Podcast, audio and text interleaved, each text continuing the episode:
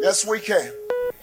I don't think I'm that bad. Um, Uh, you're likable enough. thank you so I'm going to say this again. I did not have sexual relations with that woman. Folks, I made my mistake. The Bible held high. please clap. He puts it down and then he lies. Oops.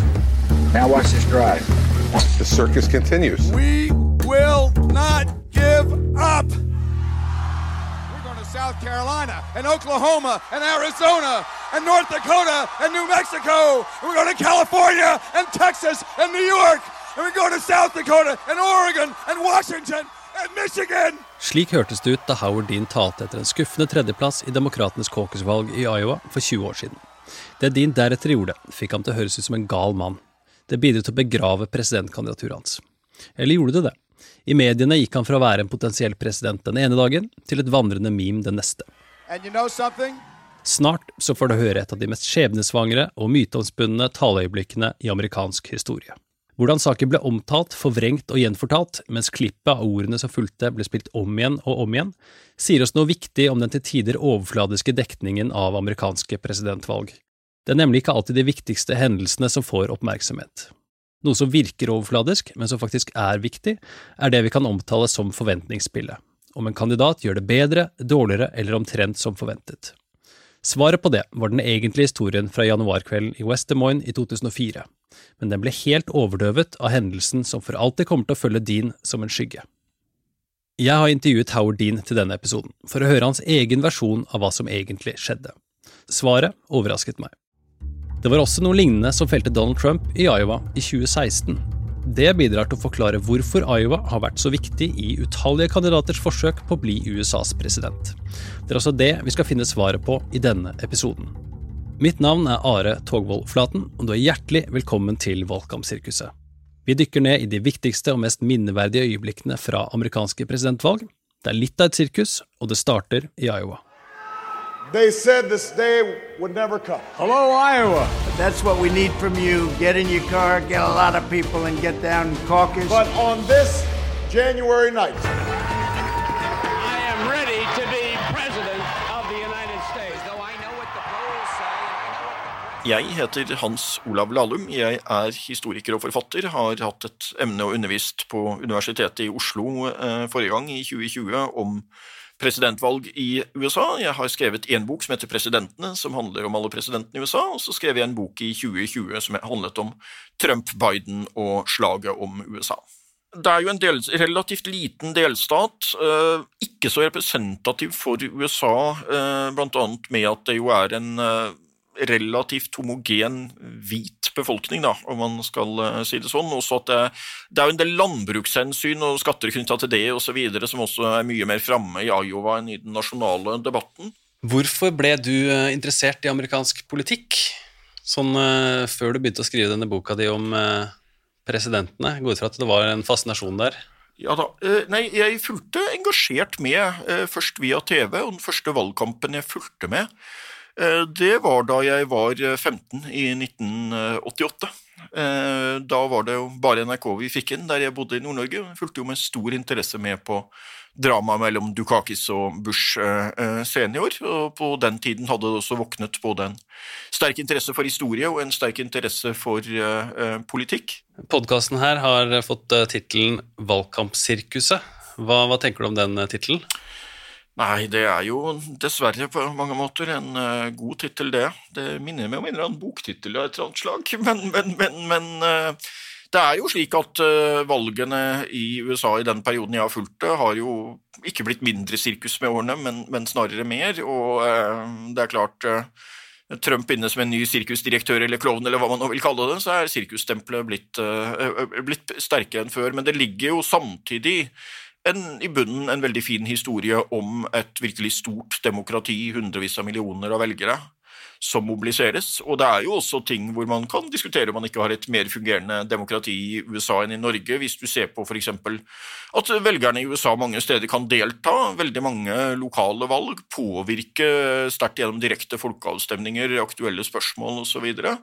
Og bare dette, det løpet vi nå skal inn i med primærvalgene, at liksom den jevne velger som ikke er partimedlem, har en eh, stor mulighet til å påvirke direkte hvem som blir kandidaten, det er jo noe vi ikke har på samme måte i Norge. Mm.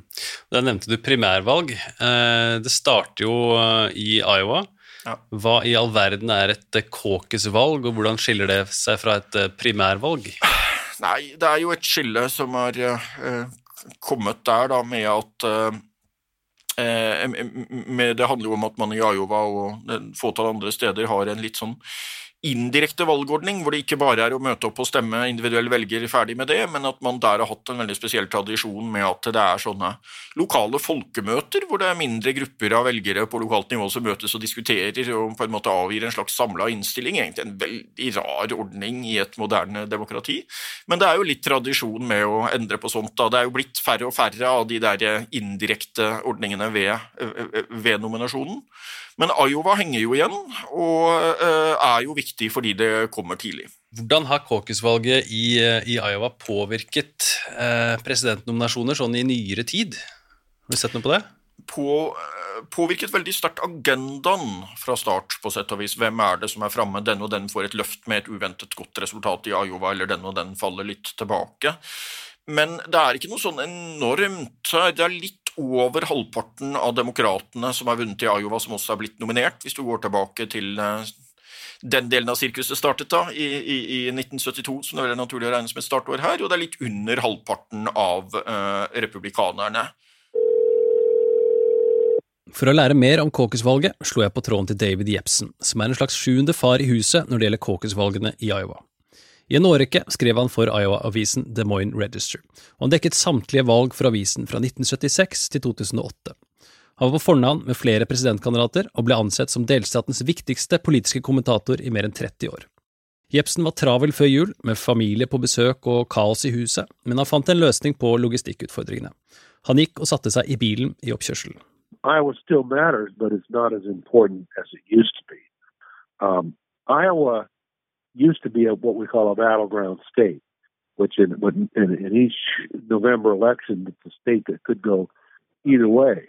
Iowa on the Democratic side used to be a lot more important. All of rural America has become more Republican, more conservative, uh, and less hospitable to, to Democrats. Democrats are doing better in, in urban areas uh, and suburbs than they used to do. That's just a, the evolution of American politics. I think it's important for your listeners to remember that caucuses are really neighborhood meetings uh, in Iowa. Uh, there are almost 2,000 of these little meetings that occur in communities all over the state, and people show up and they talk politics and they uh, tend to party business. The biggest difference in a caucus as opposed to a primary election in the U.S. is a caucus is something that uh, you show up for. it. Both parties, you have to go to a meeting. You have to go to a, a schoolhouse, a church basement, a, a local government building, uh, and gather with your neighbors from your precinct, your little voting district around your home, uh, and you talk politics with your with like-minded people Caucus-valgene i Iowa er altså politiske folkemøter som gjennomføres i gymsaler, forsamlingshus osv. rundt omkring i delstaten. Deltakerne må møte opp før dørene stenger, og det hele kan ta to til tre timer. Det innebærer at kampanjene til de ulike kandidatene må være godt organisert i hele delstaten for å kunne gjøre det så godt som mulig i hvert eneste folkemøte. Men hvordan har det seg at Iowa havnet først på valgkalenderen? The Iowa caucuses really became important after the 1968 Democratic Convention in uh, Chicago. At that convention, the Democratic Party was tearing itself apart over the Vietnam War. Lyndon Johnson had decided not to seek reelection, and there were riots in the streets of Chicago. Mr. Chairman, most delegates to this convention do not know that thousands of young people are being beaten in the streets of Chicago. Poenget her er at på tross av at kandidater tidligere hadde drevet valgkamp i flere primærvalg, slik som John F. Kennedy gjorde mot Hubert Humphrey i 1960, så var nominasjonskampen enda ikke formalisert som en obligatorisk vei til presidentnominasjonen. Det fantes fortsatt mektige menn i røykfylte rom som trakk i trådene. Det som til slutt skjedde i Chicago i 1968, var at Humphrey, visepresidenten til avtroppende president Lyndon B. Johnson, sikret seg nominasjonen, uten å ha deltatt i nominasjonskampen. Landsmøtet overså samtidig Eugene McCarthy, mannen som ville ha USA ut av Vietnam, og som hadde vunnet en rekke av valgene. Velgerne følte seg snytt, og partiet innså at noe måtte gjøres. The Democratic Party decided then to try to open up the party, to try to make it more accessible to people so that all voices felt like they were heard. They decided in 1972 to start the caucuses earlier than they had in the past and to have more opportunity for people to to participate. And what the Democrats were doing in 72 was having what's called a straw vote where they break up into groups of people and who who is for one candidate and who is for another and it became an early test of a presidential candidate's strength. George McGovern, the senator from South Dakota, was running for president in 1972 as a peace candidate.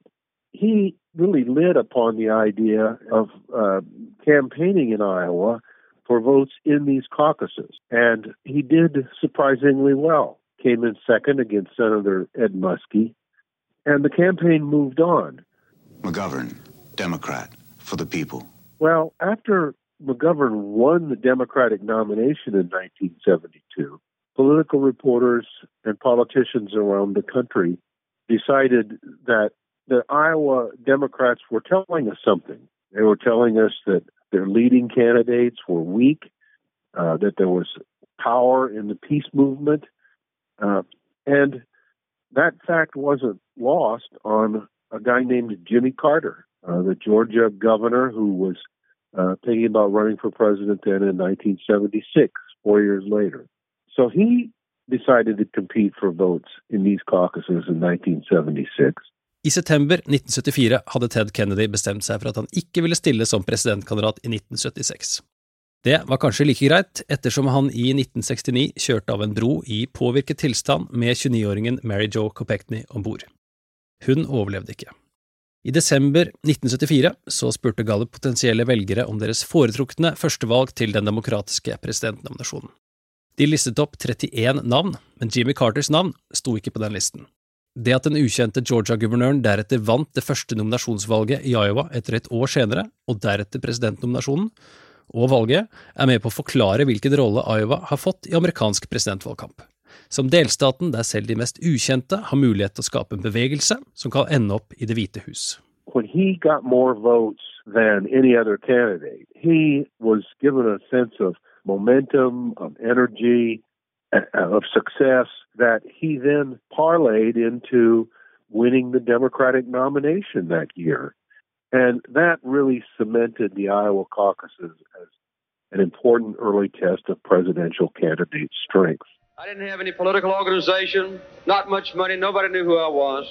We began to go from one living room to another. In 1980, George Herbert Walker Bush uh, ran for president. He was unknown, former UN ambassador, uh, won Iowa. And while he didn't win the nomination, uh, he came out of nowhere and was uh, made Ronald Reagan's vice president. By that time, the caucuses were really cemented as an important test of candidates in um, in American presidential campaigns. For ettertiden så er det som oftest Jimmy Carters Iowa-seier som trekkes fram som et eksempel til etterfølgelse for andre kandidater. Det kan anses som en slags suksessformel med hovedelementer som fortsatt preger valgkampen i Iowa. Uh, he set the notion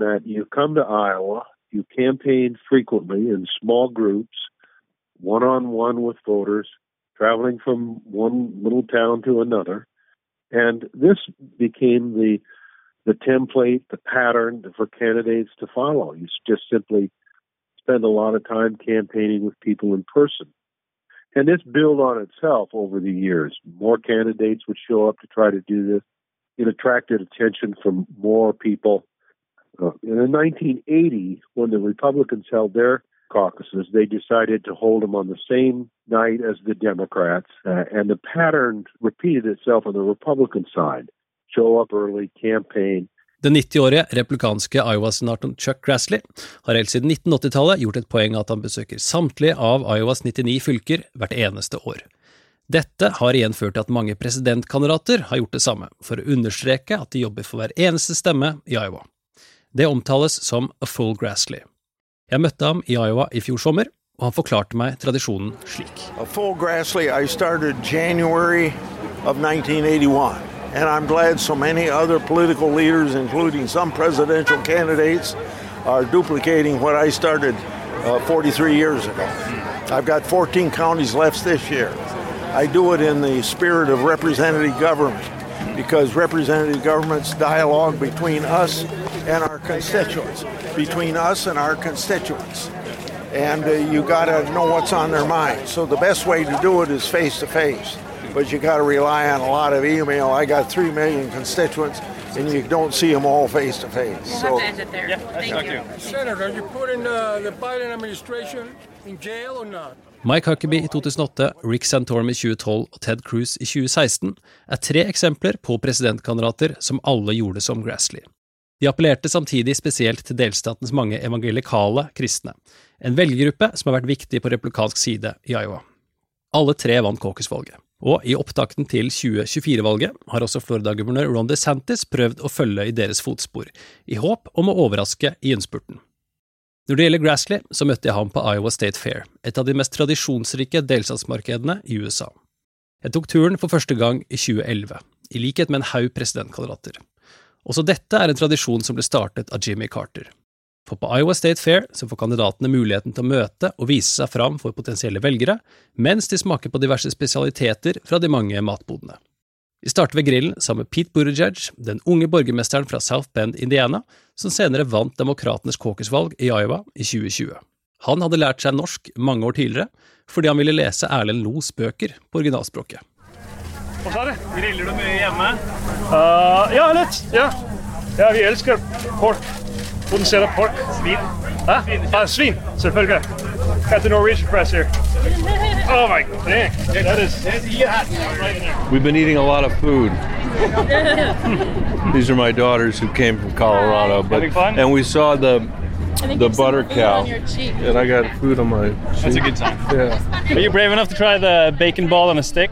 Yes, I'm brave enough to try anything at the Iowa State Fair. I think deep fried beer. Oh yeah. yeah. How that taste? Oh, look good. It's gonna be massive in my stomach in a little while. God bless you. Thank you. About the game, skill, and chance. Hi, Mayor. Hey, brother. How you doing? Good. You? Good. Good. Corn dog? Oh my God, delicious. Huge corn dog fan. Huge. Had a corn dog yet? Uh, not yet, but I almost took a bite out of that little girl. So.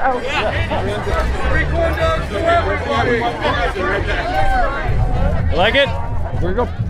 I have high hopes for the Oreo cookie that I'm about to have. You want some? I mean, I'm not gonna eat all the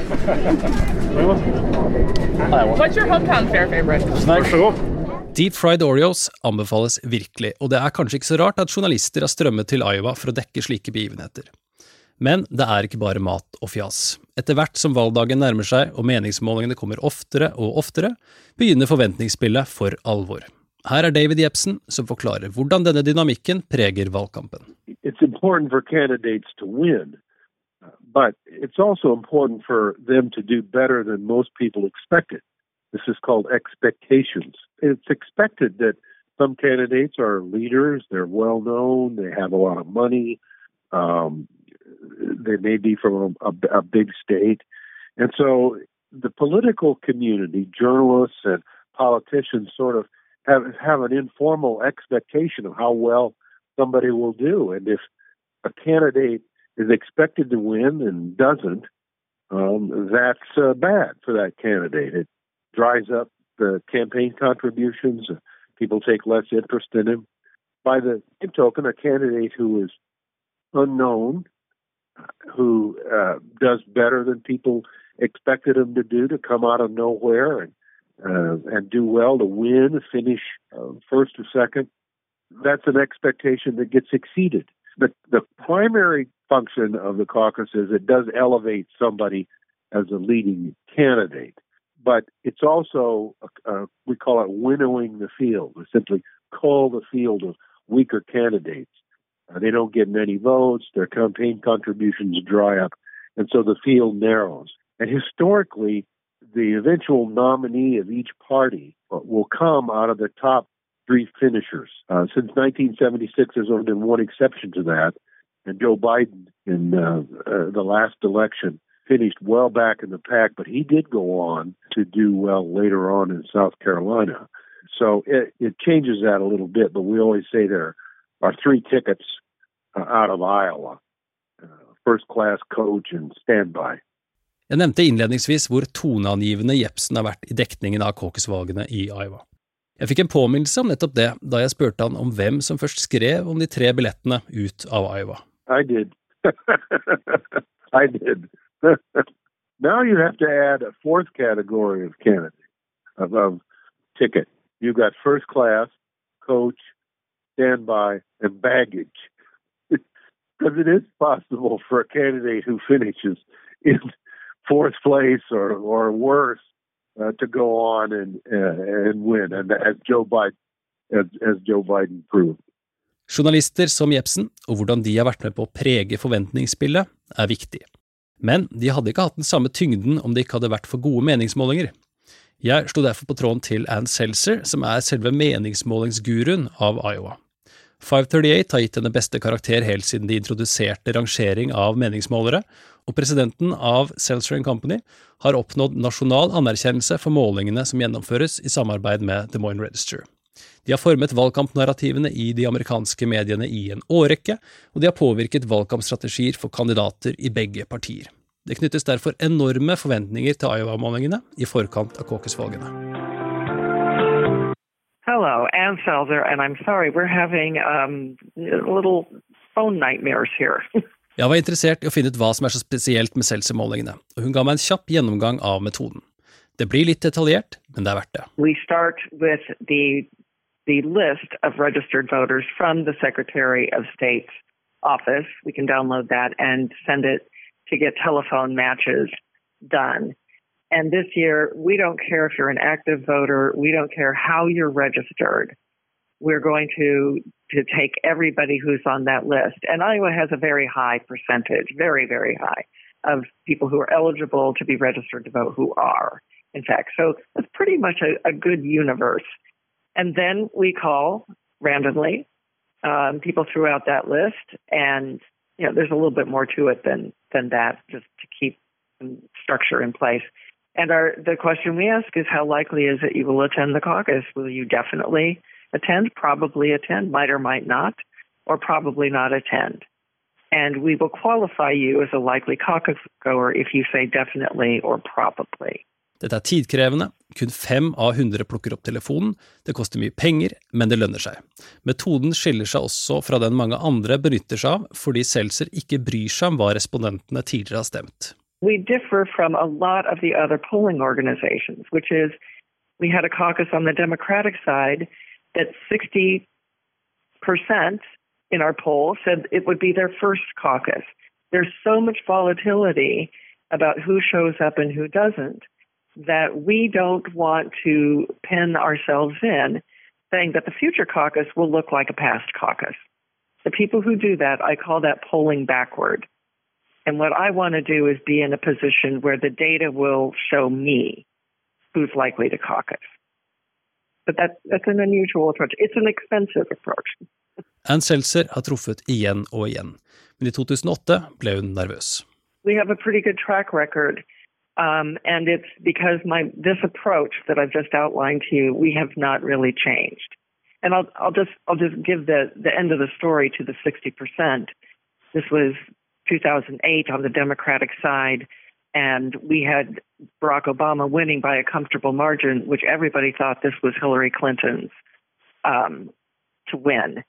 And I, you know, of course, looked at a jaw dropping number. Nobody would build into their turnout model that the majority of people showing up, it would be their first caucus. Nobody would do it. And I was asked, well, why did you do it? I said, well, my data showed me that this was going to happen. And the entrance poll, there, it was 57 or 58% were in fact first time caucus goers. The campaigns, the Clinton campaign and the John Edwards campaign, just came out within 30 minutes with with memo saying this is nonsense. She doesn't know what she's doing. She's made these assumptions. Nobody would think that 60% were going to be first time there. And, and there's a fair amount of drama around it that I was unaware of until the next day. And a lot of people, you know, sort of saying this isn't going well. And I drove, this is the end of you, right? I'm going to be fired. This is the end. You'll never work in this town again. and I thought, well, I'm going to drive by. I don't go to caucus, but I drove by my caucus location. And the school was lit up like a Norman Rockwell painting. And here were all of these people. And I just kind of thought, well, here comes democracy. You know, I kind of got, I think my numbers are going to be okay. and I went home and, and turned on the television to watch the results come in. And, you know, that was, that was a nice moment because I'd taken a lot of heat. And what are you going to say? Say, no, I'll be right. I'll be right. You can't say that. Who knows? Vi kommer tilbake til hva Seltzer og David Jepsen har sett i opptakene til 2024-valget, men først skrur vi tiden 20 år tilbake, til tidligere Vermont-guvernør Howard Dean i innspurten av 2004-valget i Iowa. Han trodde på et tidspunkt at han kunne tiltrekke seg mange nye velgere som ikke hadde stemt tidligere. Det så lyst ut, men så var det denne hendelsen i West Des Moines, da. Det som har blitt omtalt i utallige avisartikler som øyeblikket som spolerte presidentambisjonene til Howard Dean.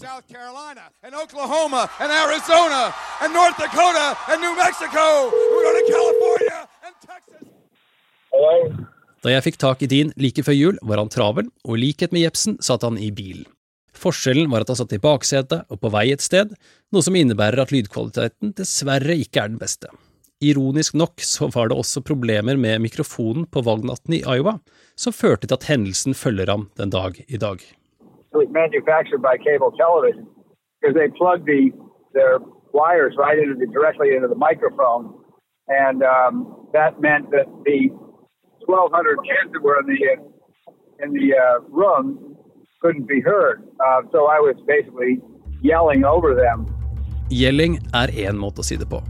Fest settebeltene. You know something? Not only are we going to New Hampshire, Tom Harkin, we're going to South Carolina and Oklahoma and Arizona and North Dakota and New Mexico. And we're going to California and Texas and New York. And we're going to South Dakota and Oregon and Washington and Michigan. And then we're going to Washington, D.C. to take back the White House. Yeah! Forståelig nok så døpte mediene det raskt som The Dean Scream. The event had very little effect on the campaign. The problem was that I'd already lost Iowa, and we thought we were going to win Iowa, and we came in third in Iowa. So I, I think the Scream speech had nothing to do with the final result. It was just another media manufacturer.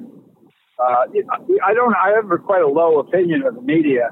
They uh, basically are looking for the next job and looking for the a, a competitive advantage over other people. Um, and um, in the media, I don't think most of them are very good. I mean, I think most of them don't report the news; they make the news. Det er kanskje ikke så rart at Dean har lite positivt å si om de amerikanske mediene, men poenget hans, som jeg deler, er at det var over før mikrofonen han brukte, fikk ham til å høres ut som en gal mann. Det som overrasket meg i Deans egen obduksjonsrapport av 2004-kampanjen, er at han var og er en rotekopp, at valgkampmanageren ikke var stort bedre, og at Dean-kampanjen rett og slett ikke var godt nok organisert til å mobilisere velgere rundt omkring i Iowa. We, we just got out Iowa. That's what, that's what I meant when I said we had tremendous enthusiasm. We didn't have a lot of well organized leadership at the top, and, and. Kampanjen kom til kort, og han visste det var over lenge før valgresultatene begynte å tikke inn. Men dekningen av The Dean Scream gjorde det nærmest umulig for ham å reise seg igjen, på tross av at han hadde fått med seg det David Jepsen omtaler som den tredje billetten ut av Iowa. Det var også en dårlig organisert kampanje som sørget for at Donald Trump tapte Iowa til Ted Cruz i 2016. Han tok rett og slett for lett på oppgaven. Trump har tilsynelatende lært av sine feil, noe både Jepsen og Seltzer vitner om. Well, we're seeing the, um, evidence of a better organization. And as you probably know, he's he's got precinct captains, and they've got special hats, and they they get a manual of this is how they're supposed to do it. Um, and his numbers in our in our most recent poll earlier this month, he crossed the 50% mark, has 51% saying he is their first choice. And that's meaningful in two ways. It's meaningful just um, symbolically. If you get more than half, you know, you're in a good place. But it's algebraic as well. That is, if somebody's got the majority of votes, it's fewer points, fewer percentage points to distribute among the other candidates. So the idea that somebody can appear to challenge him in any meaningful way becomes a bit more remote. Seltzer har altså ikke særlig stor tro på Trumps utfordrere i Iowa. Well, I've been saying this all along, and and this most recent poll sort of upset the conventional wisdom in so many ways that um, it feels far, it feels more remote. But that that people said Trump's got all he's going to get. That they didn't think people who didn't, who weren't already on the Trump train, were likely to jump on. And I said, well, you know, even though he has a big lead, if his slice of the pie is set, you just need a bigger pie. So you, Ron DeSantis, you, Nikki Haley, you, Vivek Ramaswamy, you need to go and find new people. You need to do what Obama did and find new people to come. And so that if Trump's number is staying the same uh, in terms of the number of people, then you can inflate your number and and have a, have a big advantage that way. Well, it turns out it looks like it's the Trump campaign that's going out and finding new people. That first time caucus goers, it's his number is 51% overall. It's 63% with people that this will be their first caucus. So he's he didn't have all he was going to get. He's making more caucus goers. Jepsen har lest Seltzer-målingene og kommer med følgende observasjoner om 2024. Donald Trump uh, really has rewritten the rule book and the playbook for the way American political campaigns are run. He's a media candidate. He was a non-traditional candidate. He is a huge front runner this time. Nikki Haley and Ron DeSantis have been campaigning heavily here, trying to get votes to derail Donald Trump and slowing down. They argue that he can't win, that he's got too much controversy around him himself. But Trump in the polling is just out is, has a huge lead. There was some thought that other candidates might have a chance, but uh, but I don't see how other candidates could surpass Trump at this point. So I think what will happen is Trump will win Iowa uh, pretty comfortably. Uh, DeSantis and Haley will come in second and third, and the contest will move on to New Hampshire. Maybe uh, one of those two candidates, uh, challengers, can can slow down Trump. But Donald Trump uh, is very popular inside the Republican Party, and while he's controversial, uh, he's got to be heavily favored for the Republican nomination this year. Etter Iowa så går turen videre til New Hampshire. I starten av episoden så snakket Jepsen om hvor konservativt Iowa har blitt. Det er en av grunnene til at president Joe Biden og demokratene har valgt å hoppe over både Iowa og New Hampshire for heller å starte i South Carolina. Det kommer vi tilbake til i en senere episode, men i neste episode handler det om New Hampshire. En tidligere New Hampshire-guvernør sa det slik Iowa picks corn, New Hampshire picks presidents. That's the, the uh, attack that New Hampshire makes on Iowa. I think the, the better way to say it, Iowa winnows the field. Iowa cuts the field down to size. You take a field of maybe eight candidates, and only three or four of them are going to leave Iowa with any kind of chance of going on to New Hampshire and winning the nomination. Takk for at du har hørt på første episode av Valgkampsirkuset. Jeg kommer til å følge sirkuset fra delstat til delstat, og vi har mange spennende historier foran oss. Donald Trump kommer til å gå igjen, og det gjelder også de skjebnesvangre øyeblikkene. De er det mange av. Legg gjerne igjen en anmeldelse om du likte episoden, slik at vi kan nå enda flere. Altså Veldig hyggelig om du tipser en venn eller kollega om å høre på. Okay. Bye bye.